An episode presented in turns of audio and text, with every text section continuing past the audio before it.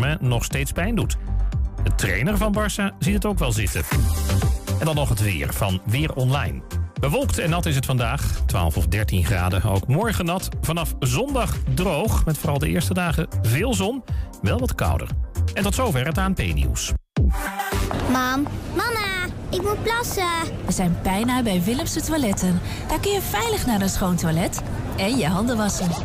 Willemsen Toiletten. Het openbaar toilet in de binnenstad van Enschede. Voor een hygiënisch en plezierig bezoek vindt u in de klanderij. Lever na uw toiletbezoek de waardebon in bij een van de deelnemende winkeliers. Scan de QR-code of kijk op willemsentoiletten.nl.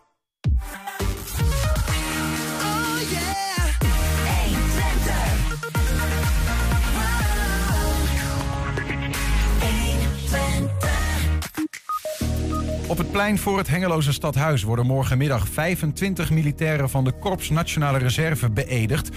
Die middag wordt begeleid door sergeant-majoor Hidi Mulder, die dit al 17 jaar doet. FC Twente ziet een drietal spelers terugkeren voor de wedstrijd tegen Excelsior. Maar er valt ook iemand af.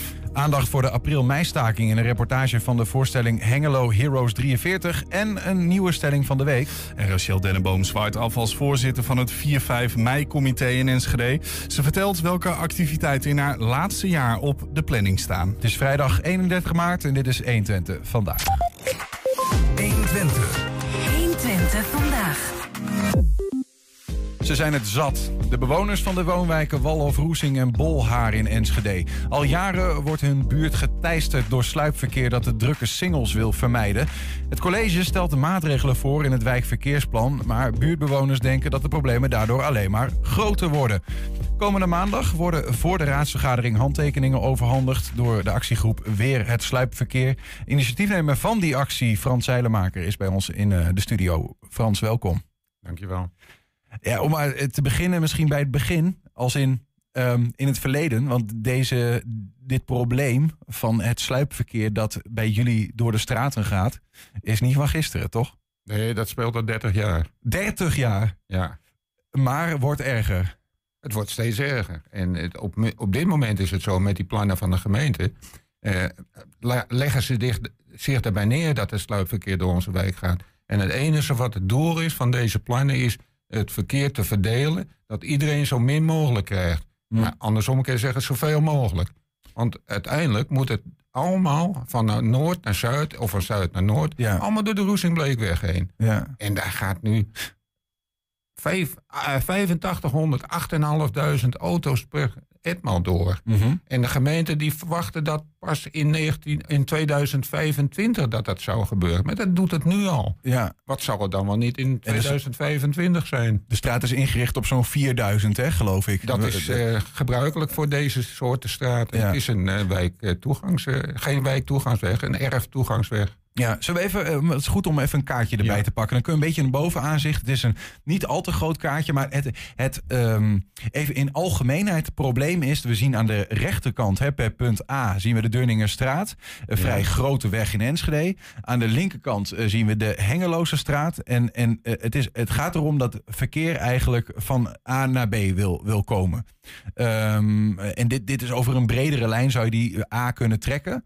Maar die gaat allemaal, uiteindelijk komt die een beetje linksonder in het kaartje langs de Roesingsbleekweg. En Ja. daar zit voor u de crux van het probleem. Nee, de hele wijk. De hele De wijk hele heeft er last van. En de ene is, het, het bundelt zich wel op de Roesing-Bleekweg. Maar dat is niet het belangrijkste. Het belangrijkste is dat de hele wijk er last van heeft. Mhm. En het is een woonwijk. En het moet een woonwijk wezen waar je in kan wonen. En niet het verkeer eh, je lastig valt. Mhm. Kinderen moeten ook kunnen spelen. En er zijn stukken in, de- in de wijk, eh, bijvoorbeeld bij de eh Mozartlaan, waar een stukje breder is, waar een parkje, een soort parkje is. Dan kunnen kinderen spelen. Mhm. En dat wil de gemeente opofferen om daar een fietspad te maken, zodat de weg meer geschikt is voor auto's. Ja. Zodat de auto's makkelijker kunnen rijden. Ja. Maar makkelijker rijden is ook natuurlijk meer rijden. Ja, eh, want we gaan, we gaan zo meteen naar die plannen van de gemeente, wat ze er precies mee van doen hebben. We hebben ook nog gefilmd op, de, op die verschillende plekken hè, waar, waar, het, waar het misgaat. Dit Ja. is bijvoorbeeld het punt bij het Kottenpark, vlak waar de Lyceumlaan in eh, wordt gereden. Of in dit geval uit wordt gereden naar de Deurningerstraat.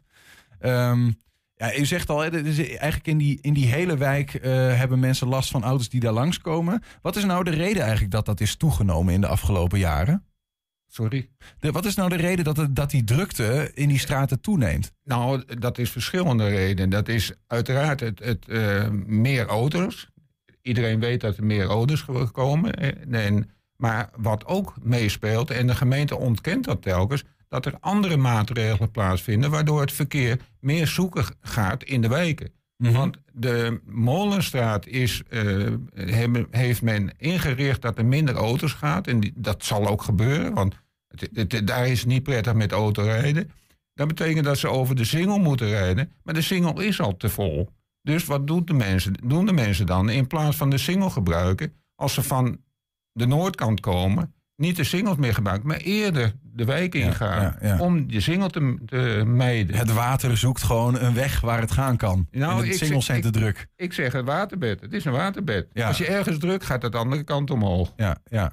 Ehm, misschien goed om nog even eh, een, een blik op dat kaartje te werpen dat we er net voor hadden staan. Dus het, eh, even de situatie. En dan, dan mag u uitleggen inderdaad van wat zijn nou eh, de, de, nou ja, de maatregelen die de gemeente zelf eh, eh, voorstelt. Hè? Die, eh, die dus aankomende maandag voorliggen aan de gemeenteraad. Waarover gestemd gaat worden. Wat willen ze precies? Nou, dat is eh, de Lyceumlaan één richting verkeer maken. Zodat er dus de helft van het verkeer wat er nu doorgaat, dat door kan. Ja, welke Maar- kant dan op? Want dat Lyceumlaan voor de kijkers is dus het, eh, de, de straat eh, die richting punt A gaat in dit geval. Ja. Die zou dan eenrichtingsverkeer moeten worden Ja, maar, richting de... maar als het daar niet langs kan, moet, Ja. gaat het ergens anders langs. Ja, precies. Dus dan krijg je andere straten. En, en dan wordt ook genoemd de Bachlaan. Nou, de Bachlaan is een, een straat waar nou heel weinig auto's langs gaan. Ik ga er altijd op de fiets langs, want het is lekker rustig. Ja. Maar daar gaat het drukker worden. En de, De Bachlaan is voor de kijkers is de straat die we helemaal bovenin zien, parallel aan die Lyceumlaan waar we het net aan hadden. Ja. Die is net afgeknipt op de kaart. Eentje verder in het noord, in, Ja, naar boven toe. precies. Ja. En daarboven is weer de, de eh, Beethovenlaan. Mhm. En die is nu al druk. Ja. Maar daar rijdt ook de bus langs. En dan zegt de gemeente van, daar kunnen we niks aan doen. Want die bus moet er langs rijden. Nou, voor de bus zijn de speciale drempels... waar de bussen geen last van hebben. Maar de auto's wel. Ja. Maar die gebruiken ze niet. Ja. Maar het punt is niet, je kan van alles maken. Maar als je, hier, als je hier iets oplost, neemt het daartoe. Dat zegt u Ja. eigenlijk. Ja, maar wat bijzonder is, want ik praat over drempels. En wat de gemeente nu doet, en wat de gemeente zegt als argument. Wij gaan de drempels weghalen. We gaan de eh, straatdiamantjes, daar zijn die driehoekjes die aan de kant van de straat staan. Waar je als fietser langs moet en de auto aan de andere kant langs. Die gaan we weghalen, want dan kan het verkeer makkelijker rijden. En heeft de fietser minder last van. Van- het verkeer, Ja. van die auto's. Maar dat betekent dat het voor de auto aantrekkelijker wordt om juist door te rijden. En dat betekent dat ze sneller kunnen gaan rijden. Ja. En ook meer gaan rijden. Want Ja. nu zijn er mensen, zullen vast mensen zijn. Ik wil niet over al die drempels. Dan ga ik toch maar over de singel. Ja, misschien kun je het kaartje toch nog even, even laten staan gewoon. Dat we kunnen makkelijker over praten. Een ander ding wat de gemeente in hun plan zegt... is dat bijvoorbeeld de Kottendijk, die we zien komen zeg maar vanuit ehm, rechts onderin... ik moet officieel dan denk ik zeggen eh, zuidoost... zuiden. Hè, ehm, eh, die daar komt, dat zou een fietsstraat worden. Ja. Eh, en die zou eh, naar het eh, noordwesten, hè, loopt die Kottendijk doorlopen eigenlijk... en dan de Roesingspleekweg daar oversteken. En dan een aparte eh, eh, straat eigenlijk gaan vormen langs die Mozartlaan die we daar bovenin zien lopen. Ja, en- Daarvan zeggen jullie van nou, als je die dus lostrekt, dan maak je het inderdaad makkelijker voor de auto. Want die heeft geen fietsers meer in de weg. Ja, nou, dat is heel eh, typerend. Want in de Kottendijk liggen allemaal drempels. Mhm. En dat zijn ook akelige drempels. Een van de eerste drempels die in Enschede waarschijnlijk aangebracht zijn. Ja. En die is voor een automobilist heel vervelend. Want daar ga je niet makkelijk overheen. Ja. En die gaan ze weghalen om de fietsers makkelijk te maken. Ja. Maar dat betekent dat het voor de auto ook makkelijker is. En dan gaan er dus weer meer auto's door. Ja. En dat zullen de bewoners van de Kottendijk helemaal niet fijn vinden. Nee. Eh, Als ik u zo hoor zeggen, zouden we kunnen zeggen... ehm schrijf dat hele wijkverkeersplan maar opzij. Laat de situatie zoals die is bijna. Dat is onze vraag aan de gemeente. En daarvoor hebben we de handtekening opgehaald. Ik heb hier een van de handtekeningen bij me. En er staat heel duidelijk op: handtekenactie tegen het wijkverkeersplan Noordwest-Enschede. In de, in de wijk wil ik minder verkeer, dat het veilig is, dat de snelheid van verkeer geremd wordt en dat het groen behouden blijft. Daarom maak ik bezwaar tegen het wijkverkeersplan. Ja. Hoeveel handtekeningen heeft u opgehaald? Ehm, meer dan 600. Ik wou het getal nog even bewaren voor maandag aan de, aan de burgemeester te vertellen. Ja, ja. En We zullen het niet ik zit te twijfelen of ik u de, de, de scope kan geven. Nou, dat doe ik ook. 675 tot nog toe. 675 handtekeningen. Dat, en dat, die komen allemaal uit die buurt. Allemaal uit de buurt. Dat is heel wat. van buiten. Nee, nee, allemaal, nee. We hebben ze allemaal Ja. persoonlijk opgehaald. Maar goed, dan, dat is stap 1. En, en, en stel even, ehm, ze, ze maken een pas op de plaats. We weten dat niet. De gemeenteraad is aan zet maandag.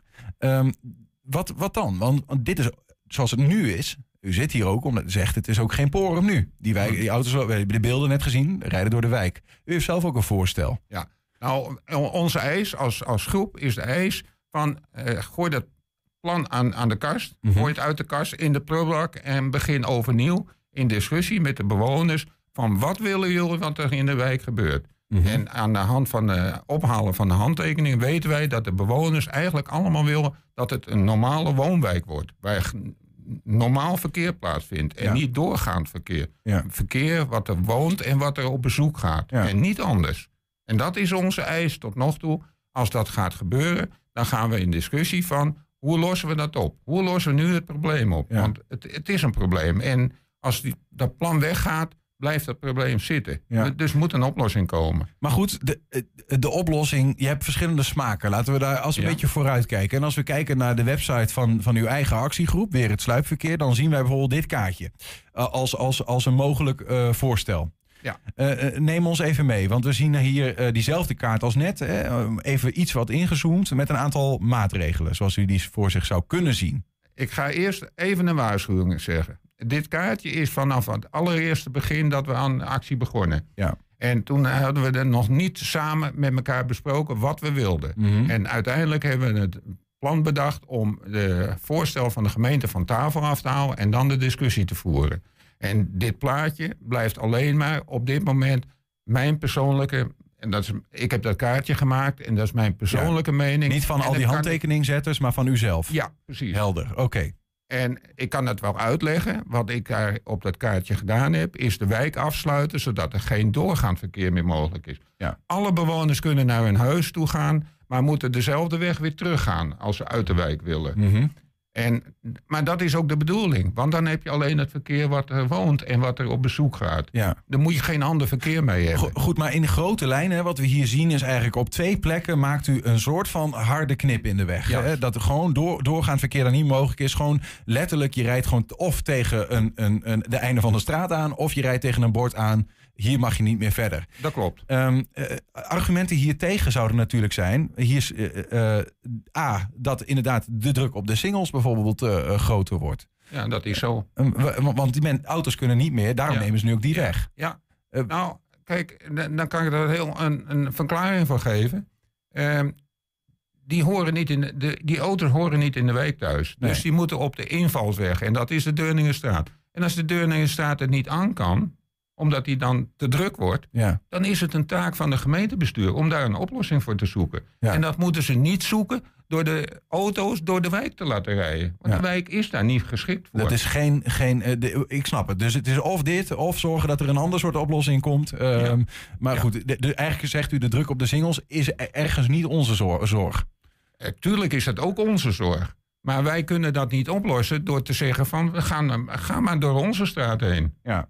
Eh, Een ander ding trouwens, als ik toen ik naar dit kaartje zo zat te kijken, toen dacht ik, ja, ik zie nou wel een weggetje hoor, van de, van de Deurningenstraat eh, richting, eh, richting de, de Hengeloze straat.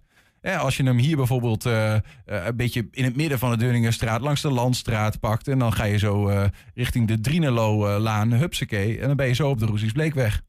Ik erken dat er een paar mogelijkheden van sluipers zijn. Ja. Maar die zijn zo ingewikkeld dat ik verwacht dat dat niet gebeurt. Misschien in het begin, Ja. maar men zal op een gegeven moment denken van dat wordt me toch te lastig, ik ga het maar niet meer doen.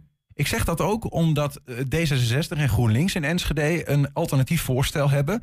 Die zeggen eigenlijk maak nou eh, ter hoogte eh, op de Roesingsbleekweg, ter hoogte van het Roesing, van het revalidatiecentrum. Dat is in dit kaartje, zeg maar ongeveer ehm, links in het midden, laten we het zo zeggen. Mhm. Maak daar nou een harde knip, zeggen zij. En ga- doe dat tijdelijk en ga dan kijken eh, wat levert dit op. En dan kunnen mensen niet meer inderdaad over die Roesingsbleekweg. Wat zegt u dan? Dan blijft het eh sluipverkeer nog door de wijk heen. Want dan gaan ze er wel bovenin. Bijvoorbeeld bij de Lyceumlaan erin. En dan gaan ze door de minister Savan en Lomalaan weer terug naar de Singel. Want dan mijden ze in ieder geval dat stoplicht bij de Deurningsstraat en de Singel. Want daar wilden ze dan niet in de rij staan. Maar dat is dan niet op een oplossing. Als D66 met GroenLinks een echte eh, eh, eh, test willen doen, dan moeten ze hem anders afsluiten. En dat is bij de bocht bij de school. Want dan is er geen sluipverkeer meer mogelijk. Ja, precies. Bij de bocht bij de Maatmanweg is dat Ja. daar. Ja, ja, ja. Oké, helder. hoe, hoe daar tegenaan kijkt. Er is nog één andere, of nog één. Want nu, we hebben het net gehad over van, hè, zet die wijk nou in ieder geval dicht. Dat het sluipverkeer daar niet meer langs kan. Alleen mensen, bewoners kunnen naar hun eigen huis en that's it. Ehm, dan neemt de druk op de singles toe. En dan zegt u van ja, dan zou je dus een alternatieve oplossing moeten vinden. Er zijn een aantal partijen in Lonneke die al jaren vragen om eh, de noordelijke ontsluitingsweg Enschede Kennispark.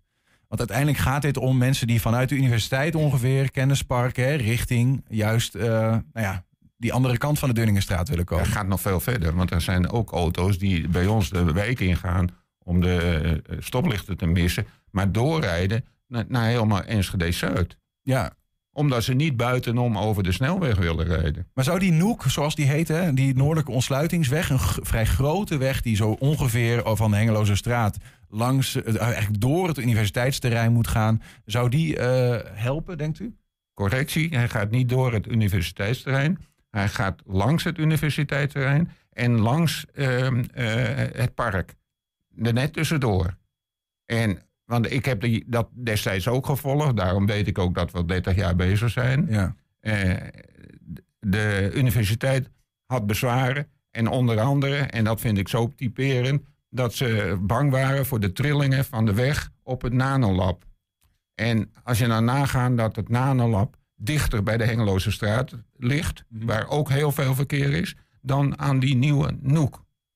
En dan denk ik van, waar zijn we mee bezig? Waar, waar praten we dan over? Dus u bent wel een voorstander van zo'n Noek? ik, ik zeg niet dat ik voorstander van de Noek ben. Ik ben voorstander dat er een oplossing komt voor het verkeer wat door de stad heen moet. Ja, nee, dat snap ik wel. Maar, maar u denkt, neem ik aan, dan ook eh, van, van ja, misschien, eh, of, of niet? Of denk- u wil de- meedenken? nee, de Noek was een mogelijkheid. Ja. En de Noek is afgeblazen.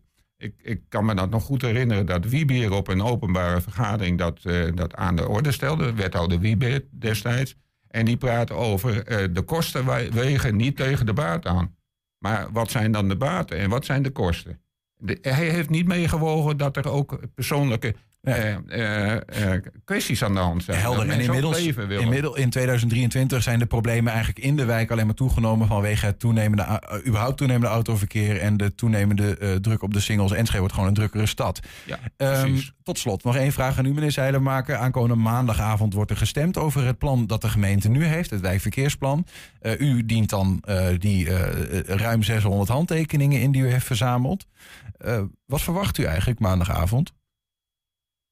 Is het niet te laat met de handtekeningen? Nee, dat denk ik niet. Dat denk ik niet. Want eh, de raadsleden die kunnen ook, daar ga ik vanuit, dat ze ook kunnen nadenken. En dat ze de argumenten van ons kunnen begrijpen en kunnen afwegen. En als ze dat goed doen, in onze ogen, dan eh, kunnen ze alleen maar zeggen: dit is niet de goede weg die we volgen. We moeten hem of stilleggen of we moeten hem stoppen. Maar we moeten er niet mee doorgaan, dus blindelings, en eh, een besluit nemen die later eh, niet goed uitkomt, weer hersteld moet worden. En als u de voelsprieten, eh, heeft u nog met raadsleden over gesproken? Wat denkt u? Ehm, er zijn raadsleden die gereageerd hebben dat zij het idee hebben dat het niet goed is. Maar hoe ze dan stemmen, weet ik niet. Nee, ja, dat, dat zeggen ze bijvoorbeeld Ja, niet. ja. We gaan hem meemaken maandagavond. Eh, Frans Zeilenmaker van de actiegroep Weer het sluipverkeer in nou, die buurt daar in Enschede, Noord, zou maar zeggen. Dank u wel. Dankjewel Succes. voor de mogelijkheid om het uit te leggen. Graag gedaan. Zometeen Rachel Denneboom zwaait af als voorzitter van het lokale 4-5 mei-comité in Enschede. Wat zijn de activiteiten die in haar laatste jaar op de planning staan? 120. 120 vandaag. Ja, in heel Nederland wordt de komende maanden volop aandacht besteed aan de herdenking van de april-mei-staking in de Tweede Wereldoorlog. De focus ligt daarbij op Hengelo, waar de arbeiders van Stork eind april 1943 het werk neerlegden uit protest tegen de gedwongen tewerks, of, eh, tewerkstelling in Duitse fabrieken. Volgende week donderdag en vrijdag zijn er twee uitvoeringen van de Hengelo eh, Heroes 1943 in de gieterij in Hengelo. En gisteravond was de generale repetitie bij muziekvereniging Harmonia. Vanavond gaan wij repeteren, want we hebben een muziektheaterproductie ervan gemaakt. En uh, muziek, de, het orkest Harmonia gaat uh, muziek maken, of repeteren vanavond. En er is een koor die uh, gaat zingen bij, bij, bij de muziek. De voorstelling gaat over de april-mei-staking die in 1943 uh, van, plaatsvond bij Stork. En is e-, eigenlijk een van de belangrijkste stakingen die in de Tweede Wereldoorlog van start is gegaan. De naam Halo Heroes is tot stand gekomen omdat wij vinden dat het de helden zijn van deze staking. Uh, er zijn allemaal, eigenlijk allemaal Hengeloers geweest. En het, daarvoor gaat het ook om. Het gaat niet om de grote mannen die op de achtergrond deze staking van de grond hebben getild. Maar het gaat met name erom dat de arbeiders die hebben de uh, werktuigen in de hoek gegooid. En gezegd van nu is het genoeg, nu gaan we staken.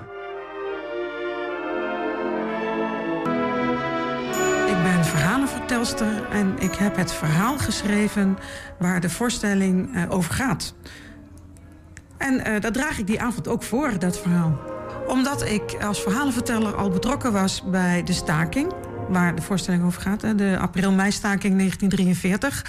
Uh, want ik ben namelijk voorzitter van de uh, stichting De Verhalenkraal. Dat is een vertellerscollectief uit Hengelo.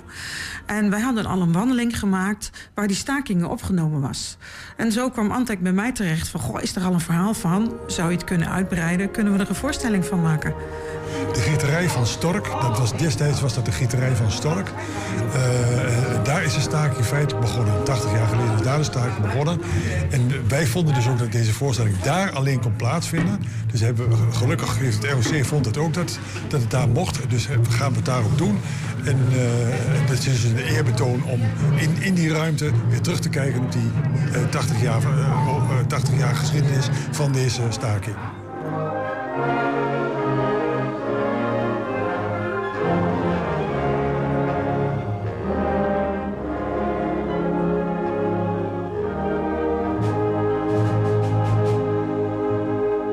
Boodschap is, er hoeft er maar één te beginnen. Dan volgt het rest vanzelf.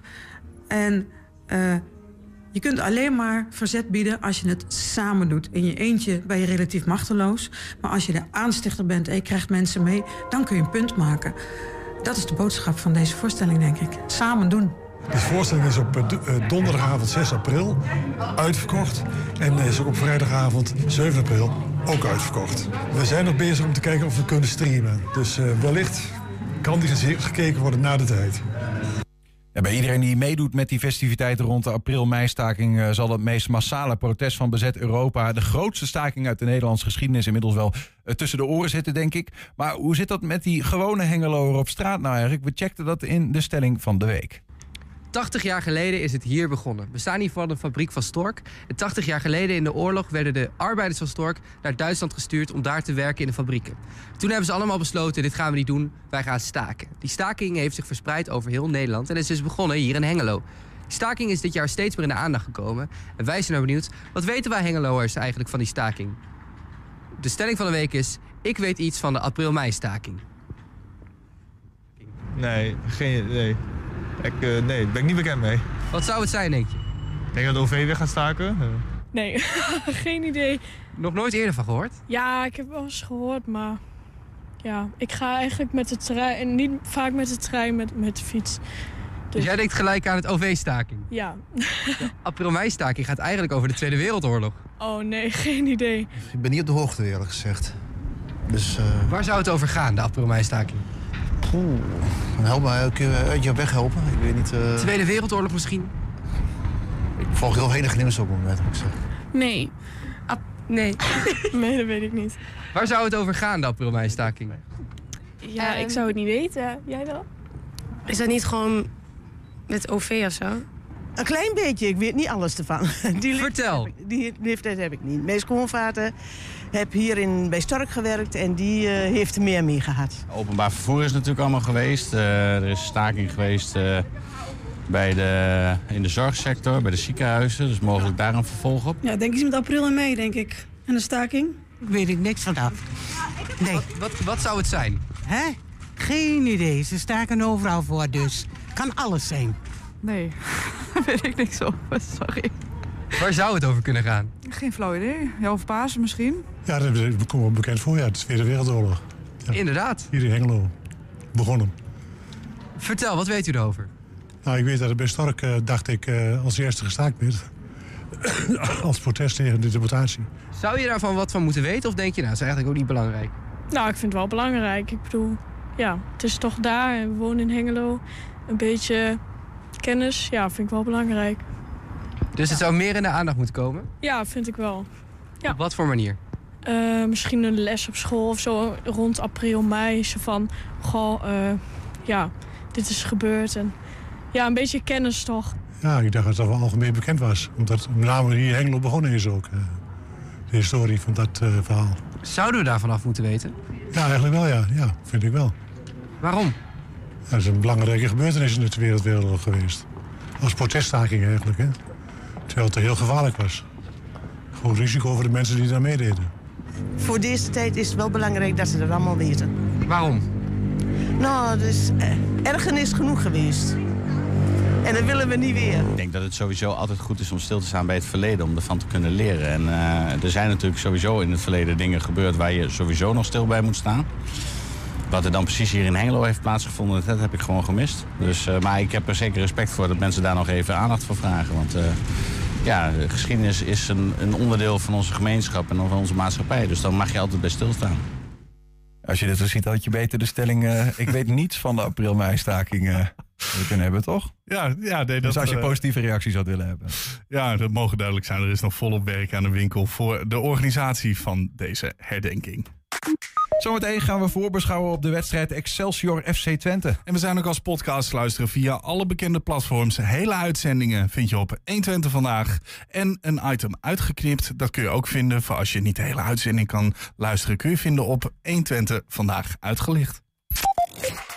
120. 120 vandaag. Bevrijding van Enschede is morgen op 1 april precies 78 jaar geleden. Een dag die relatief onopgemerkt voorbij gaat vaak. Maar over een ruime maand zijn er weer die twee dagen waarop we nationaal herdenken en onze vrijheid vieren. Het zal de laatste keer zijn dat Rachel Denneboom over de centrale activiteiten in Enschede gaat. Na dit jaar stopt ze als voorzitter van het lokale 4-5 mei-comité. Rachel, welkom. Dankjewel. En zometeen eh, naar de activiteiten in jouw laatste jaar eh, in Enschede eh, voor 4, 5 mei. Misschien toch eerst even, je, ga, je gaat stoppen. Acht jaar voorzitterschap heb je gehad. Ja, Eh, waarom? Eh, gewoon dat het een keer klaar is. ja, eigenlijk wel. Maar eigenlijk ook omdat ik eh, meestal besturen eh, waar ik in ga altijd van tevoren zeg... ik vind het heel gezond om na een jaar of vijf, zes daar een wisseling in te hebben. Acht jaar was al relatief lang. Ja, maar ja, dat kwam natuurlijk ook misschien door corona. Ja, ja, ja, ja, anders. ja. En eh, ik heb er ook gewoon heel erg veel plezier in. En ik, dus er is niet een, een direct aanwijsbare reden. Nee. Maar gewoon, eh, nou, het is, het is mooi geweest. Tijd om te gaan. Tijd voor nieuwe mensen. En als je dan, eh, als ik het bruggetje mag maken naar het nieuwe comité... zoveel nieuwe mensen in je comité hebt... dan is dat een goed moment om te vertrekken. Een nieuw comité dus. Eh, maar eh, toch even bij jou blijven hoor. Want eh, je- je, acht jaar geleden begonnen dus. Zeg maar, Waar- waarom begon je er ooit mee? Voor, wat was voor jou, hoe ging dat? Ik werd gevraagd door ehm, eh, mensen uit het toenmalige comité, onder andere Els Koopmans, die voorzitter was op dat moment, en die, ehm, die er graag uit wilde. En in eerste instantie, dat zeg ik trouwens helemaal niet goed, want in eerste instantie ben ik helemaal niet binnengekomen om voorzitter te worden. In eerste instantie ben ik binnengekomen om te kijken, kunnen wij misschien ook buiten de gemeente om fondsen werven in, bij commerciële partijen om het groots aan te pakken. Ja. En dat was eh, in aanloop nog naar eh, 2015, 5 mei 15. Eh, zo ben ik eigenlijk binnengekomen. En eh, Els gaf vrij snel aan dat zij ermee wilde stoppen. En ja, en toen heeft het bestuur mij gevraagd, of het comité toen gevraagd of ik voorzitter wilde worden. Zo, Ik ben er eigenlijk ingerold, Ja. kan je zeggen. Heeft er nog een bepaalde ontwikkeling gehad voor jou in die afgelopen jaren? Dat je, eh, hoe, meer, hoe meer jaren je voorzitter bent, hoe meer je ja, creatief wordt in de dingen die je met elkaar doet? Of, eh, of is dat vaak ook gewoon een draaiboek pakken en kijken van... eh, Nou, voor 4 mei is dat eh, draaiboek pakken. Eh, een van de dingen die, die, als ik dan naar mezelf mag kijken, van wat, wat laat ik eh, zeg maar na. Een van de dingen die ik op 4 mei eh, wel heb veranderd, Mhm. is door kinderen en jeugd een hele prominente plek te geven in de herdenking. En ehm, nou, zo her en der een keer andere muziek, en- maar heel veel meer eh, kan je niet creatief doen op 4 mei. Ja. Dus 4 mei is voornamelijk draaiboek. En 5 mei, ja, daar kan je losgaan. Daar kan je alles veranderen. eh, en je merkt ook nu in het nieuwe comité, we hebben nu twee vergaderingen gehad in een nieuwe setting, dat er al heel veel nieuwe ideeën komen. Dus Hoeveel mensen telt zo'n comité dan? Eh, ja, nu negen. Negen. Ja, we hebben zes nieuwe mensen. Zes nieuwe. Ja, en drie eh, die er al waren. Dus eh Klazien, Berbeli en ik. Wij, wij waren er al, dus Ja. dat is negen. Ik ga dit jaar uit. Die andere twee hebben gezegd... ergens in de komende paar jaar eh, zullen wij ook vertrekken. Mhm. We hadden nu een sollicitatieprocedure... waar elf mensen op hebben gereageerd. Zes mensen. Eigenlijk had je ze alle elf zo'n beetje aan kunnen nemen. Eh, en hebben gezegd, laten we dat maar doen. Want dan heb je gewoon een, een, een goede groep van zes mensen staan. Als die andere twee zo dadelijk ook eh, vertrekken. Wa- Wat, wat bindt die mensen die in zo'n comité dan nieuw bijvoorbeeld nu ook zitting nemen? Als je naar zo'n comité kijkt. Alleen het onderwerp. Niemand kent elkaar. Eh, dus wat hen bindt is eh, het onderwerp, het maatschappelijk eh, betrokken willen zijn, het maatschappelijk eh, iets willen betekenen voor hun stad. En dat is de reden waarom ze allemaal gesolliciteerd hebben. Ja. Wat je bij sommigen merkte, was dat er ook nog een familieverhaal wel achter zat. Zoals Eh, bij jouzelf. Zoals bij mijzelf. Maar dat hadden in, in, van de nieuwe mensen hadden dat ook een paar mensen. Mhm. Eh, maar hoofdzakelijk is het eh, iets willen doen voor de stad. En dit onderwerp eh, trekt hen en daarom hebben ze hiervoor gekozen. Laten we naar het onderwerp toe gaan. Ehm, eh, dat gaat, toe- ja, 4, 5 mei is nooit anders. Ik hoor jou zeggen herdenkingsdag in Enschede. Ja, dat is toch eh, dat is veelal hetzelfde. Maar het is toch goed om aan te stippen. wat gaat er gebeuren dan in de, in, in de stad op die herdenkingsdag? Nou, om daar, daar te beginnen voordat we naar de bevrijdingsdag gaan. Op 4 mei. Juist. Op 4 mei gaan we, weer, hebben we weer requiem in de Grote Kerk op de Oude Markt om 6 uur. Van daaruit gaan we om 7 uur starten met de stille tocht naar het Volkspark. En hebben daar vanaf eh, half acht ongeveer, zullen wij daar aankomen, een programma tot eh, kwart over acht. Dat is bij de, acht. bij de beeldengroep. Bij de eh, beeldengroep van Marie Andries in het ja. Volkspark. Dat is eh, eh, 4 mei in, in Enschede. Ja, dat, wat nog eh, misschien eh, goed is om te vertellen is dat de spreker dit jaar eh, zal Bert Woudstra zijn. Eh, jullie natuurlijk eh, bekend. Ik zou ja. ik wou bijna zeggen stille live. Maar dat is wel een beetje. Want de man is natuurlijk inmiddels bijna ver in de negentig. Ja, Maar gewoon is nog kwiek als ik weet niet wat. En die gaat er steeds in die periodes het hele, hele land bijna, wil ik zeggen, door. Ja. Hè? Nu is er een, een podcast is er over gemaakt door, de, door het regionale dagblad. Alles allemaal bekend. Ja. Maar eh, nou ja, de man met de Klopt. geschiedenis. En dit was ook dat ik dacht, ja, als je. kijk, we kunnen straks nog heel lang herdenken. Dan kan iedereen spreken. En, en, en nu kan hij nog spreken. Ja. Als direct. eh, Zeker 13 onderduikadressen gehad hè, als kind van, eh, van een jaar of tien eh, in zijn puberteit, zeg maar. Eh, ongelooflijk verhaal natuurlijk van hemzelf. Dus hij spreekt daar. Ehm, ja, weet je, ik zit altijd te denken van, hè, de, we, we hebben het dan, als het over herdenking gaat, dan moeten we dat belang van herdenken nog weer onderstrepen en zo. Maar ik denk, ja, dat is ook wel duidelijk, toch? Of niet? Of Nou moet- ja, wil je daar nog mij- iets stichtends ik- over zeggen? Ja, ja, voor mij hoeft dat niet. Hè. Eh, ehm, ehm, d- volgens mij is het is zeker 4 mei bij iedereen echt zo bekend. En, en zo, waarom, hoe heet dat? Ehm, het belang daarvan eh, is bij iedereen aanwezig. Misschien urgenter, hè, nu dat eh, met de, ja, toch weer Ja, oorlogsperiode nou, dat, in eh, ja, Europa. dat. Misschien wel eh, de tijden waarin we leven. eh, de manier waarop we ehm, toch ook, ehm grijp ik toch mijn kans om dat hier ook te zeggen, waarop wij in Nederland met elkaar omgaan. Ehm, dan merk je dat ze op zo'n 4 mei het allemaal ineens heel erg verbroedert. En dan hebben we maar één doel samen. Dus ja, het zeker blijven doen, altijd. Ja, allemaal eh, mensen Neem niet weg dat ik kwetsbaarheid. 5 mei zeker net zo belangrijk vind. En eh, ook daar op, altijd op blijven hameren. Dat dat een vrije dag zou moeten zijn. Elk jaar. Altijd, voor iedereen. En ik- zet ja. ik alvast mijn handtekening Ja, onder bij deze hoor. Ehm, als we dan naar 5 mei eh, gaan, hè, ehm, eh, eh, ge- geen vrijheidsfestival bijvoorbeeld in het Volkspark, zoals we dat vorig jaar hebben gezien, eh, voor, Nee. voor, voor de kinderen bijvoorbeeld. Nee, we gaan het allemaal anders doen. Ja, ja. ja, We gaan dit jaar aansluiten bij de vrijheidsmaaltijden die eh, al in het hele land worden georganiseerd. Vanuit landelijk, het landelijke comité, ehm, eigenlijk geïnitieerd en, en eh, neergezet. Mhm. Daar haken wij op aan op twee manieren. We hebben een oproep gedaan, eh, en die doe ik dan bij deze nog een keer, om als je zelf een vrijheidsmaaltijd wilt organiseren, dan kan dat. Mhm. Dus denk aan een buurthuis, een sportvereniging, een bejaardencentrum. eh, overal waar je denkt, we gaan een maaltijd organiseren om het samen over vrijheid te hebben. Wat betekent nou vrijheid voor jou? En, en, en hoe is het ook om in onvrijheid te leven?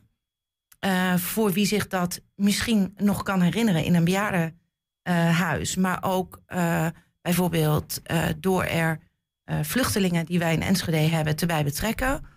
Om dat gesprek met elkaar te voeren Mhm. onder eh, een maaltijd, een vrijheidsmaaltijd. Ja, de, die inkleding van zo'n vrijheidsmaal, dat is verder eh, eh, vrij? Of geven jullie daar nog handvatten? Want Dat je moet is- zo geloof ik aanmelden als je zoiets in je wijk Ja, of dat- straat of... Dat vinden wij heel fijn als je dat wel aanmeldt. Omdat wij dan ook nog kunnen zorgen. Ten eerste zullen wij ook kijken of we ehm, voor dit soort initiatieven een kleine bijdrage kunnen leveren Ja. vanuit het comité. Maar ook ehm, ehm, mensen kunnen helpen met gesprekskaarten, met aankleding, met bijvoorbeeld de vrijheidssoep. Eh, die het landelijk comité eh, heeft gemaakt. Ja. London Loy heeft die eh, gemaakt. Hebben we een receptkaartje ook nog van? Misschien kun je Ja. even laten zien voor de mensen die kijken. Hè, heb je hem alvast. Hè? Zo maak je de Je kan hem vrijheid. zelf maken. Ja, ja. Ehm, en als je op tijd bent met aanmelden, kan ik ook nog zorgen dat er een paar blikken op die locaties komen. Ja, ja. Dus ja, dat willen wij heel graag weten. ja. Aanmelden kan via, hoe, hoe werkt dat? Via mail info vrijheid.nl. Mhm. Die mail komt bij mij binnen. Dan eh, ga ik bellen. Als graag een telefoonnummer bijzetten, ga ik bellen. En dan eh, gaan we dat regelen. Dat is één spoor. En het andere is, ehm, wij gaan vanuit het comité in Enschede zelf één gezamenlijke maaltijd organiseren in de Grote Kerk, 5 mei om half één. En daar komen Oekraïnse vluchtelingen met jeugd bijvoorbeeld aan tafel. En zo willen we kijken of we nog een paar groepen, bijvoorbeeld iemand die uit Syrië is gevlucht. Eh, Bert Woudstra ga ik uitnodigen bij deze als Bert luistert. Hij weet het nog niet. Ehm, om zo het gesprek aan te gaan over vrijheid en over onvrijheid. Ja. En over eigenlijk, als je kijkt naar Oekraïnse vluchtelingen, gevlucht en dan hier ineens in een soort van vrijheid leven, terwijl je eigenlijk niet in je eigen land bent. En wat heeft dat? Ja, hoe vrij voel je je dan echt? Ja, ja. Dus En- als ik je mag samenvatten, je zegt, je zegt eigenlijk, nou, we gaan, ehm, eh, we, doen het met die vrijheidsmaaltijden en het liefst verspreid over de stad, dat mensen zelf initiatief nemen en jullie kun- kunnen ze daarbij bij helpen als ze zich Zeker. aanmelden via dat mailadres wat net ook even Dat in beeld het. stond. Maar er is ook een centraal eh, eh, ja, vrijheidsmaaltijd in de Grote Kerk op de Oude Markt om half één smiddags. Maar ook als je daar naartoe wil, moet je je aanmelden. Dat ik, klopt. En die aanmelding loopt via het Wilming Theater, de website van het Wilming Theater. Ehm, dat, dat klinkt een beetje, je moet dan een ticket kopen, maar die is gratis. Ja, ja. ja. Maar eh, dat is voor ons dat we in ieder geval wel de aanmeldingen weten.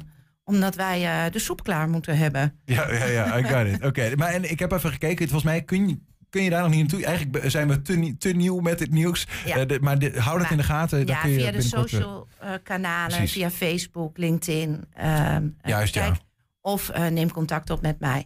Even voor de mensen die stijgeren toen ik zei... er komt geen vrijheidsfestival in Enschede. Er is wel natuurlijk gewoon het feest op bijvoorbeeld de Universiteit Twente. Zeker. Maar dat is van een commerciële partij, niet van jullie hand. Vandaar dat we dat even niet Nee, op die maar het is wel een feest. Dus een groot feest in Enschede. Ja. En daarnaast natuurlijk Zwolle. Eh, Overijssel is gastprovincie eh, dit jaar van het, eh, vanuit het Landelijk Comité. Dus het bevrijdingsfestival in Zwolle wordt echt nou ook een groot feest. Dus Juist, daar ja. kan iedereen ook naartoe. En eh, goed, wij zelf, eh, goed, een beetje zelf, eh, zelfpromotie of zelfbevlekking, hoe ik het maar wil zien, doen ook een duit in het zakje. hè. Wij zetten de, de, nou ja, laat ik zeggen, de oorlogswandeling, de wandeling met markante plekken van de Enschede oor- oorlogsgeschiedenis, Ja. eh, zetten we ook weer op onze website eh, eh, om, om te vinden. Dus die kun je ook binnenkort weer eh, rondom die 4, 5 mei festiviteiten gaan, gaan vinden. Ehm Rachel, tot slot dan, wie wordt de nieuwe voorzitter? Dat weten we nog niet. Dat gaat het nieuwe bestuur samen, eh, of het nieuwe comité, ik zeg ook je bestuur, maar het is helemaal niet echt een bestuur. Het comité samen eh, ontdekken. Daar rolt er hebben uit die negen. twee- ja, we hebben net twee vergaderingen gehad waar iedereen nog zijn eigen rol moet zien te pakken. Ja. En een van die rollen zal nieuw voorzitter zijn. En ik ben ervan overtuigd dat de echte voorzitter ineens opstaat. En dat de rest dan zegt, dat lijkt me een goed idee dat jij dat gaat doen. Nou, dank in ieder geval eh, voor, eh, voor acht jaar voorzitterschap van jouw kant eh, En namens jullie ons. bedankt voor alle keren dat ik hier mocht zijn. Graag gedaan. En, eh, en, en dank ook voor, voor nu dat je er weer, weer was om ons bij te schijnen over wat er dit jaar gaat gebeuren op 4, 5 mei in Enschede. Rachel Denneboom. Dank je.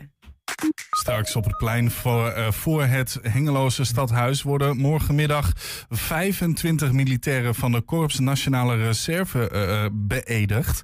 Die middag wordt begeleid door sergeant-majoor Hidi Muller, die dit al 17 jaar doet. 120. 120 vandaag. Ja, na een competitieloos weekend wordt de Eredivisie weer hervat. FC Twente gaat morgenavond op bezoek bij Excelsior in Rotterdam. Voor die wedstrijd ziet Ron Jans een drietal spelers terugkeren. De hele week hebben eh, Daan Rots, Wout Brama en Danilo Cleonice eh, meegetraind. Eh, zit ook weer bij eh, de wedstrijdselectie. dus eh, ja, dat, eh, dat is lekker. Ja. Ehm, alle drie eh, er weer bij. Ehm, ik neem aan dat dat nog niet meteen is dat ze voor de hele wedstrijd ook beschikbaar zouden kunnen zijn. Nee, nee, nee, dat is eh, te veel gevraagd. En we hadden gehoopt op nog meer goed nieuws. Ehm en Matthias Schöle die voelt zich hartstikke goed. Maar de dokter heeft gezegd... je moet met je kaak toch nog één week wachten... voordat je weer eh, mee mag trainen. Want die staat te popelen. Ja, en, en wij missen morgen Robin eh eh, Prupper. Eh, dat speelde al een poosje eh, langer. Eh, we hebben wat onderzoek gedaan. En ja, die heeft zeg maar een longontsteking. En dus die is er niet bij. Is dat naast dan de andere geblesseerden, je noemt al even uh, Geule en uh, Sadilek, de mensen die nog uh, ontbreken? En uh, Manfred Ugalde. Maar, maar het is wel uh, Ugalde en Sadilek. De, de revalidatie gaat uh, iets sneller dan verwacht. Dus uh, uh, wil niet zeggen dat ze dan meteen weer bij zijn. Maar dat, dat is ook... Uh, ja, op, op, op het algemeen is het blessurenieuws positief. Um, ook teruggekeerd uh, de afgelopen dagen zijn de internationals. Die zijn dus weer uh, fit uh, teruggekeerd, want je noemt ze niet bij de afwezigen. Nee, maar dat, dat is, elke keer is dat voor een clubtrainer is dat weer... oh, ik hoop maar dat ze niet geblesseerd raken. Je kijkt naar Geert Truida, die ik denk een hamstringprobleem heeft. En, en ja, dat, dat wil je niet. Maar ze zijn gelukkig alle vier weer gezond teruggekomen. Was de glimlach bij Salah Indien uh, iets groter dan bij de anderen? Omdat hij natuurlijk toch last minute ineens verrassend nog werd opgeroepen voor Jong Oranje? Uh, nou, die, uh, die, die, die uh, zat er positief in. nou, Ramis ook wel, uh, zijn rookie. nou, Alfons had ja, die had liever wat meer speeltijd gehad. En uh, Vashaf sowieso. Dus, dus, dus ja, de een was wat nou, positiever dan de andere. Maar negativiteit was er niet bij. Ja, dan heeft er natuurlijk een weekje tussen gezeten, uh, gezien van die mooie overwinningen op AZ. In hoeverre heeft die wedstrijd bij jullie de hoop op plek 4 misschien weer wat levend gemaakt? Of is dat vooral de buitenwacht die daar uh, op, op, ja, over doorgaat? Ja, uh, ik, ik vind dat zolang dat kan, uh, en dat kan nog, dan, dan moet je het zeker moet je daarin geloven. Uh, het is wel dat hoop, dan, dan is de kans zeker geen 50 procent, uh, een stuk minder. Maar dan moet je wel een, een, serie neerzetten. Nou, we hebben nu met Fortuna en AZ, uh, met, met een uitoverwinning en een hele goede overwinning, hebben we de eerste stap voor een serie gezet. Maar dan moet je, je mag eigenlijk van de laatste acht wedstrijden, ja, misschien mag je er één, misschien twee keer mag je punten verliezen, maar de rest moet je allemaal winnen. Ja, dat is een aardige, pittige opdracht, maar uh, daar moet je ook niet voor weglopen. Een flinke opgave dus, die start uh, bij Excelsior dit weekend. Hoe kijk jij naar die wedstrijd uit? Want zij hebben natuurlijk ook uh, zeker wat om voor te strijden... of misschien zelfs wat tegen te strijden. Ja, ze hebben denk ik uh, precies op het juiste moment tegen Cambuur... Uh, echt hele goede zaken gedaan. Want het ging echt een beetje in de neerwaartse spiraal bij hun. Maar daar hebben ze in de eerste, wedstrijd, de eerste helft de, de wedstrijd al beslist. En dat, dat zag er ja, goed uit. En, en ja, wat dat betreft is Excelsior ook een ploeg die ja, soms verrassend slecht kan spelen... maar soms ook verrassend leuke dingen kan doen. Want ze hebben ook een aantal ja, interessante spelers.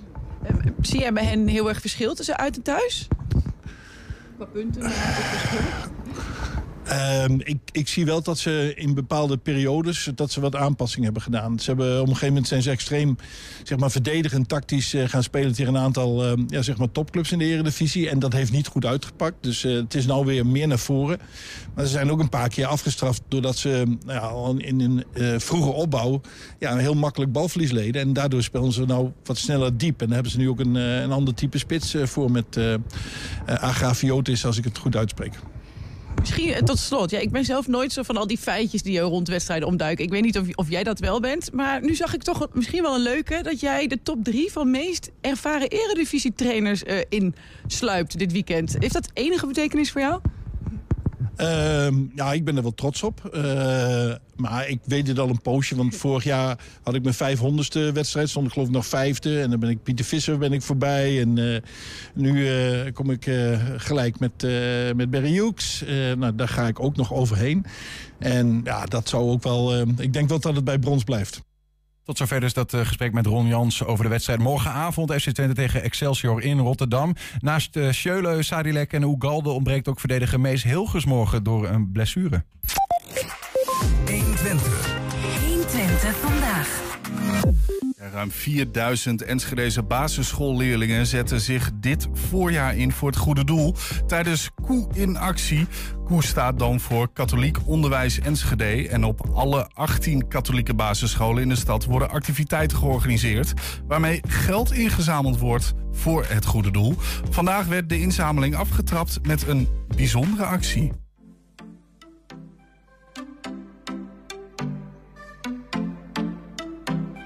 Prachtig, hè? We doen ze het beste, hè? Ja, het is heel mooi dat onze scholen zich inzetten voor eh, Kans voor een Kind. Om andere kinderen ook naar plezier te maken. En het is gewoon heel leuk om deze wedstrijd op deze manier eh, te zien. Ze zijn allemaal heel erg zenuwachtig. Ik zie heel veel creativiteit. Het is echt super leuk om, eh, om, de, om de kinderen zo bezig te zien. Zenuwachtig? Beetje. Je bent wel eerste geworden van je klas, of niet? En nu Ja. sta je hier, hoe vind je dat? Spannend. Bak je normaal thuis ook veel dan? Nou, wanneer ik tijd heb, doe ik het wel. Zo zou ik denken, dus je kan nog wel eens winnen, of niet? Hopelijk. Ze komen heel gespannen binnen. En als ze even hier aan het werk zijn, dan eh, zie je ook heel snel dat ze wel tot, tot rust komen. En je ziet de meest prachtige creaties. Het is echt heel erg leuk. Eigenlijk zijn het allemaal winnaars. En wat vooral ook leuk is eh, voor de kinderen waarvoor we het doen. Hè? Dat we die ook een, echt, een, eh, echt een kans kunnen bieden voor een leuk, voor een leuk uitje. Het is voor Stichting Kans voor een Kind. En Stichting Kans voor een Kind zet zich in voor zieke kinderen. En die dan toch inderdaad een hartstikke leuke dag nog mee mogen maken met de ouders. We gaan bijvoorbeeld naar een pretpark toe of naar een dierentuin. Of misschien wel een voetbalclub. Of, we maken in elk geval leuke, een hele mooie dag voor die eh, ernstig zieke kinderen. Van harte gefeliciteerd dat je hebt gewonnen. Dankjewel. Hoe vond je het om te doen? Heel leuk. Waarom Ja. dan? Eh, omdat je dan gewoon van die kleine priegelwerkjes moet doen. En nou, ik bak ook wel vaak thuis. Ja? Ja. Ook met vriendjes en vriendinnetjes? Ja. Wat bak je dan allemaal? Eh, taarten, eh, soms ook wel cupcakes. En kun je misschien iets meer vertellen over de cupcake zelf? Waarom je hiervoor gekozen? Omdat het ja, eh koescholen zijn. Daarom heb ik de koeletters. En ik vond het wel creatief om een leuke koe te maken erbij. En daarom heb ik ook gemaakt. Heb je, heb je ze gezien trouwens, de cupcakes? Lekker zien ze dat. Ja, ik mag zelf niks eten. Dat is toch, ik zit hier, ik mag helemaal niks. Ik mag alleen maar kijken, ik word ook gejureerd, ik mag ook helemaal niks. Ik ben, maar ze zien er wel heel mooi uit, hè? Bak je thuis ook veel dan? Ja, ik bak met mijn oma en met mijn moeder. Wat bak je dan allemaal? Taarten en eh, cake. De jury let inderdaad op, op of het goed inderdaad op, het, eh, op een tekening lijkt, of het nauwkeurig is. Nou, wat je net gezien hebt, de, de letters van de koe was echt met handwerk gemaakt. Dus niet, eh, maar echt gewoon heel dun. Dus ja, we letten echt wel op hele belangrijke dingen. 120. 120 vandaag. Hou jij een beetje van cupcakes? Nee, nee, nee. Ja, sorry. Ja, ik Nee, dus ja, ook niet. Ik, ik vind cupcakes, ik weet niet wat dat is, maar... Het is niet echt voor mij. Ja, voor mij ook niet. Terwijl ik, nou, ik ben sowieso, ik, gewoon zo'n hotel, gewoon zo'n cake, zo'n hotelcake, weet je, zo'n normale, met, dan met roomboter of zo. Ja, dat Ja, vind dan ik, ben je dat- verkocht, hè? Ja, dat vind ik gewoon heerlijk. Maar cupcakes, ah, ik weet niet. Ja, ja. Maar goed, wie weet van deze leerlingen. Het zal vast beter smaken. Dan studenten, leraren, bouwvakkers. Iedereen kan deel, deel uitmaken van een eh, bataljon bij het Korps Nationale Reserve. Morgenmiddag worden 25 militairen die deel gaan uitmaken van het 10 infanteriebaljon bewaken en veilige Korps Nationale Reserve beëdigd op het plein voor het Hengeloze stadhuis. Sergeant-majoor Heidi Mulder die eh, begeleidt deze beëdigingen al 17 jaar en is er morgen ook bij. Heidi, goedemiddag. Goedemiddag. Dat klopt helemaal, ja. Mondvol, hè? Ja, dat wil ik net zeggen. Het 10 Ja. infanteriebataljon. Be- eh, bewaken en beveiligen Korps Nationale Reserve. Ja, klopt. Waar hebben we het over? Ja, bij iedereen is het eigenlijk meer bekend als Korps Nationale Reserve. Ja. Eh, sinds kort kiezen wij voor de toevoeging IBW. Eh, want we zijn natuurlijk helemaal van de afkorting hè, bij Defensie. Omdat wij ons werk eigenlijk voornamelijk, ja dat bestaat grotendeels eh, uit bewaken en beveiligen. En dan is het, de Nationale Reserve, dat zegt eigenlijk niks over wat wij doen. Mhm. En bewaken en beveiligen, ja dat begrijpt denk ik iedereen wel. Ja, ja. Maar betekent dat, dat dat wat wij, eh, waarvan we morgen eens een bataljon ingelijfd zien worden, dat dat, dat, we dat, dat dat gewoon is wat wij kennen als de Nationale Reserve NATRES? Ja hoor, absoluut. Ja, ja, Ja. want NATRES is de afkorting van Nationale Reserve. Is die- leuke, ja. Is, de, is, de, is de, de taak van de Nationale Reserve dan verschoven naar meer eh, bewaken en beveiligen? Of is het eigenlijk altijd een beetje de, de grootste functie van de NATRES geweest? Het is eigenlijk altijd onze hoofdtaak geweest. Alleen wij worden wel steeds vaker ingezet, ook ter ondersteuning van de politie. Dus als politie ook handjes tekort komt, dan kunnen wij onder, eh, dan, want dan vallen we ook onder de politiewet, zeg maar, kunnen wij ook ingezet worden om de politie te ondersteunen. Mhm. En dat komt wel steeds vaker voor. Ja. Is het dan, wat, dat, dat lijkt mij ook ehm, gewoon ook wel een soort van, ja, het is niet, het is geen kattenpis, hè? dat is wel een serieuze taak. Hè? Hoe, hoe, hoe zit dat eigenlijk Ja. dan? Wat is, is, het, is Ja. het een baan of is het een, eh, een vrijwilligerswerk? Hoe moet ik dat eigenlijk zien? Nou, het is eigenlijk, het is zeker een hele serieuze baan. We moeten ook, eh, we hebben onze verplichte opkomstmomenten. En daarin leren we ook, eh, nou daar hebben we onder andere schieten en alles wat daarbij hoort. Hè, want je, je begrijpt wel, als je met een wapen loopt, moet je daar gewoon heel veilig en goed mee om kunnen gaan. Dat moet echt een eh, drill worden, een skill worden, zodat je daar veilig mee omgaat. En het is, ja, vrijwillig klinkt heel vrijwillig. Ja. maar dat is, ja, dat is het eigenlijk. Het is echt wel een hele serieuze bijbaan. En je verdient er ook gewoon geld mee. Eh, dus, en dat, dat is eigenlijk een beetje hetzelfde als de vrijwillige brandweer. Hè? Dan, eh, dat, dat noemen we ook vrijwillige brandweer. En als ze opgepiept worden, ja, dan krijgen zij ook gewoon betaald. Ze krijgen daar een vergoeding voor. Dus, Zo werkt eh, het ook bij, bij de NATRES eigenlijk. Je, Ja, je wordt eigenlijk- opgeroepen, en, en, maar, maar moet je? Of is dat een soort van vrijwillig toch van, nou, als ik kan, dan kom ik? Het ligt er een beetje aan als we steun verlenen. We doen ook wel ceremoniële taken of het ondersteunen bij oefeningen. Eh, jouw opkomsten waarin je alles leert, dus ook eh, militaire EHBO, militair recht, de geweldsinstructie, die momenten zijn verplicht. Dat zijn ongeveer twee avonden en een zaterdag in de maand. En daarnaast krijg je mailtjes en dan kan je opgeven voor die steunverleningen. Dus stel je voor dat het met jouw burgerbaas die ene week net niet goed uitkomt, dan je bent niet verplicht om al die Ja, ja, steunverleningen deel te nemen. Ja. Maar er wordt natuurlijk wel van je verwacht als er echt eh, ja, als er een ramp is of andere ellende, dan, eh, dan, moet- dan moeten we onze handen uit de mouwen steken. Ja. Ik heb een, eh, ik heb een foto, Heidi, ehm, eh, van een, een vrouw met een man erbij. En ik heb mij laten vertellen dat jij die man, vrouw bent en dat, dat die man die opa is van jou. Ja, dat klopt. Ja, mijn opa is helaas eh, overleden. Ja. Mijn opa die eh, heeft in de meidagen gevochten. Ehm, die heeft eigenlijk zijn leven lang niet over de oorlog gesproken. En toen ik in dienst ging, toen begon bij hem eigenlijk alles toch wel een beetje... Toen begon hij erover te praten. En toen ja, heeft hij toch nog wat herdenkingen meegemaakt. En dan was ik altijd bij hem eh, om bijvoorbeeld samen een krans te leggen. Of ja, hij is Ja, helaas een jaar geleden overleden. Maar eh, ja, ik ben natuurlijk wel trots op mijn opa. Want die moest natuurlijk zomaar in één keer... Die moest in één keer dus op pad in de meidagen met wapen. En die had nog nooit geschoten. En eh, dan denk ik, ja, wij worden heel goed voorbereid eh, als het nodig is. Dat we ook, ja, dat we weten waar we mee bezig zijn. Hij- en dat was bij hem niet zo. Hij Nee. was echt in dienst in dat opzicht. En, en hij, hij zat niet bij de, bij de Nationale Reserve, hij was echt in dienst. Nee, nee hij werd eh, gemobiliseerd in die dagen. Hè. Dan werden mensen gewoon opgeroepen en dan moest je gewoon, eh, ja, moest je gewoon aan de bak. Ja, ja precies. Ja. Is, is hij de reden? Want, want jij ehm, sprak net ook even in, in een wijvorm, merkte ik. Hè? Je, je werkt zelf bij Defensie. Zie je op deze foto ook met, een, eh, met de camouflagekleding aan. Maar je zit ook zelf bij, de, bij de Nationale Reserve. Of moet ik dan zeggen nu bij de IBB-KNR. Nou ja, goed, Ja, whatever. ja. Maar, ja, Ehm, eh, is, is jouw opa een van de redenen dat jij een beetje in zijn spoor bent gegaan?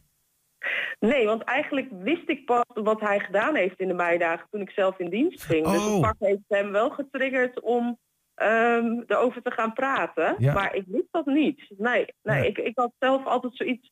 Als ik dingen op tv zag, ik wil heel graag iets betekenen voor de samenleving. En ik heb toen getwijfeld ook over de vrijwillige brandweer. Want ja, die doen ook geweldig werk. Mhm. Alleen ik had hele kleine kinderen. En dan kan je niet elk moment van de dag eh, eh, opgepiept worden. Want dan kan je niet zomaar alles laten vallen. Ja. En vandaar dat ik toen gekozen heb voor Defensie, voor de landmacht. Ja, is iets makkelijker te combineren. Ja, dus de, de- dat, eh, bij het werken bij de reserve, zeg maar, dat doe, je dat doe je er dan bij als bijbaan. Misschien goed om even, wat, wat doe je dan allemaal precies? Want we hebben nu gehad over eh, de, de politieondersteuning zelfs eh, de laatste tijd steeds meer. ja. Maar ja, goed, bewaken en beveiligen is eigenlijk wat je nu toevoegt aan, aan, de, aan de definitie bijna. Wat bewaak je en beveilig je bijvoorbeeld? Ja, dat, dat kan van alles zijn. Ehm, de, we, we hebben bijvoorbeeld Host Nation Support. Ik weet niet of je dat wat zegt. Moet ik dat even uitleggen? Dat mag. Oké, nou eh, dat is als eh, bijvoorbeeld een buitenlands leger, het Amerikaanse leger heeft bijvoorbeeld bij het verschepen van eh, grote hoeveelheden materieel hè, via Rotterdam toen naar Irak. Zo'n route die moet beveiligd worden. Dat soort werk doen wij, maar ook we hebben de marechaussee ondersteunen we wel bij de grensbewaking in IJmuiden in de havens. Ehm, ja, het, zijn eigenlijk, het, het kan eigenlijk van alles zijn dat Ja, ja. we bewaken, beveiligen. Ja, het kan ook een ontruimd gebied zijn. Stel je voor, er is wateroverlast geweest, mensen zijn gevlucht. Dat gebied moet bewaakt en beveiligd worden.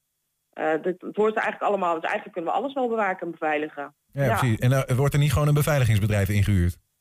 Nee, nee, dan eh, mogen wij eh, aan het werk. Ja. Ehm, en dan is er nog de, de, de officiële gelegenheden, geloof ik. Hè? Dan eh, de- eh, is er ook nog een rol voor de nat natres. klopt. Op eh, 4 mei doen we altijd eh, op de Grebbeberg ondersteunen we bij de dodenherdenking. Eh, dus dat is eh, ja, de bloemstukken dragen en erewacht. Ehm, ook bij Prinsjesdag, dan zie je langs de route militairen staan. Daar staan ook beroepscollega's, maar er staat ook een delegatie. Ehm, ja, maar het, ja, het grootste gedeelte is gewoon eh, ja, toch dat bewaken en beveiligen. Ja. Maar we hebben ook eh, de coronateststraten bemand. Dus, het Van alles wel- wat, hoor ik wel. Ja, ja. Heel, het is heel veelzijdig. Ja, we hebben ook de politie ondersteund in de zoektocht toen naar Anne Faber. Is natuurlijk, Ja. ja, het, het- is heel veelzijdig. Ehm, dus ja, het, Ja. het kan, het kan gewoon heel veel zijn. Als de burger hulpverlening handjes nodig heeft, dan... eh, Dan, staan jullie, eh, dan staan, staan jullie paraat. Eh, En, en, m- morgen dus even naar die, naar, die, naar die plechtigheid dan nog. En morgen 25 militairen die in Hengelo eh, beëdigd worden. Eh, Is dat daar eerder, eh, eerder gebeurd? Ik weet niet hoeveel van die bataljons zijn er überhaupt. Eh, er zijn Nederland, eh, de landmacht is verdeeld in drie brigades. Eh, je hebt elf luchtmobiele brigade, ehm 13 lichte brigade en 43 gemechaniseerde brigade. En elk van die brigades heeft één NATRES-bataljon. En wij vallen dan onder 43 gemechaniseerde brigade. Eh, dat zijn er dus drie NATRES-bataljons in Nederland en die bestaan elk uit ongeveer 1000 mensen. Dus het zijn zo'n 3000 eh, reservisten in totaal. Ja, ja. Ja. Dus de mensen, die 25 mensen die morgen eh, nee, in Hengelo beëdigd worden, die worden toegevoegd aan een bataljon. Ja, klopt. En dat Ja, is dan het, het, het Ja. 10 infanteriebataljon bewaken en beveiligen Korps Nationale Reserve. Zo heet dat dan. Helemaal goed, ja. Ja. Ja, waar komt die 10 vandaan dan in dit geval? Weet je dat? Ja, nou, dat, ik, ik heb er al een paar keer achteraan gezeten. Het, het is eigenlijk, we hebben 10 NATO's-bataljon, 20 NATO's-bataljon, 30 NATO's-bataljon. En ze zijn gewoon, het is gewoon een naamgeving en ze zijn gaan tellen in het noorden. En wij zijn het noordelijkste bataljon, dus wij hebben gewoon een 10 gekregen. Maar het is eigenlijk alleen maar een naamgeving. Ja. En het is traditie binnen Defensie om daar nummers aan te koppelen. Ja. Ook, dat, ook al zijn die nummers, ja, dus er zit niet echt een logica achter. Staat wel goed in ieder geval, 10 in dit geval. Ja, Gewoon een mooi getal. Eh, w- Nog kort even die plechtigheid morgen. Hoe ziet dat er ongeveer uit? Wat gaan mensen in Hengelo ervan eh, van merken? We zien hier wat beelden van vorige plechtigheden. In bijvoorbeeld Deventer is dit geloof ik. Ja, dat was de laatste beëdiging. Eh, ja, er, is een fanfarekorps die begeleidt het met muziek, met militaire muziek. Er staat een wervingstent ook eh, op het plein. En daar kunnen mensen die interesse hebben, hè, die meer willen weten, die dit ook heel leuk lijkt, die kunnen even informeren. Er lopen ook eh, sociale patrouilles rond. Sociale patrouilles, dat is dat militairen vaak in groepjes van twee, nou, gewoon een rondje lopen en ook mensen aanspreken.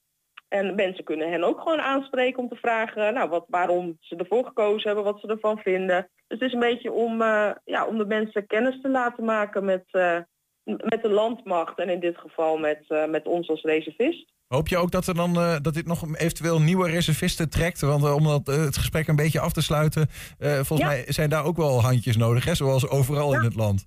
Nou, dat is inderdaad op alle vlakken bij de landmacht. Natuurlijk landmachtbreed hebben we mensen nodig. En ook bij de reservisten kunnen we nieuwe collega's eh, gebruiken. Ja, en het is een superleuke baan, al zeg ik het zelf. Ja. Kijk, dus eh, ga morgen vooral even naar Hengelo eh, en zie wat daar gebeurt. En er staan vast mensen die je meer kunnen uitleggen over wat ze allemaal doen bij, die, bij die Nationale Reserve of de IBB eh, KNR, zoals ik het eigenlijk dan nu moet zeggen. Ehm Heidi dat lijkt Mulder, me een goed idee. Ja, dank, dank voor je uitleg. Veel plezier en succes ook morgen. heel graag gedaan en een fijn weekend alvast. Goed weekend. Bedankt. Daarmee sluiten we deze uitzending van de 120 vandaag af. Terugkijken, dat kan traditioneel gezien gewoon via 120.nl. Vanavond om 8 en 10 op televisie. Zometeen hier, Julian Vriend. Het vrijdag is voor je vrienden. Heel veel plezier en tot maandag.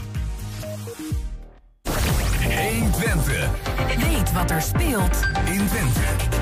Met nu het nieuws van 5 uur.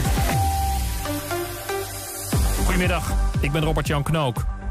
De beveiliging van mensen die gevaar lopen gaat op de schop. Minister Jezelgus neemt alle adviezen over van de Onderzoeksraad voor Veiligheid. Die onder meer zei dat informatie niet goed werd gedeeld. Dat wordt straks centraal geregeld. Jezelgus zei ook sorry tegen de nabestaanden van onder andere Peter R. de Vries. Journalisten die in afwachting waren van de wekelijkse persconferentie van premier Rutte zijn weggestuurd omdat niet zeker is wanneer hij komt. Hij is nog steeds met zijn collega's aan het praten over de verkiezingsuitslag. De tijd begint intussen te dringen, want dinsdag is er in de Tweede Kamer een debat over. Het kabinet neemt een nieuwe stap richting het definitief stopzetten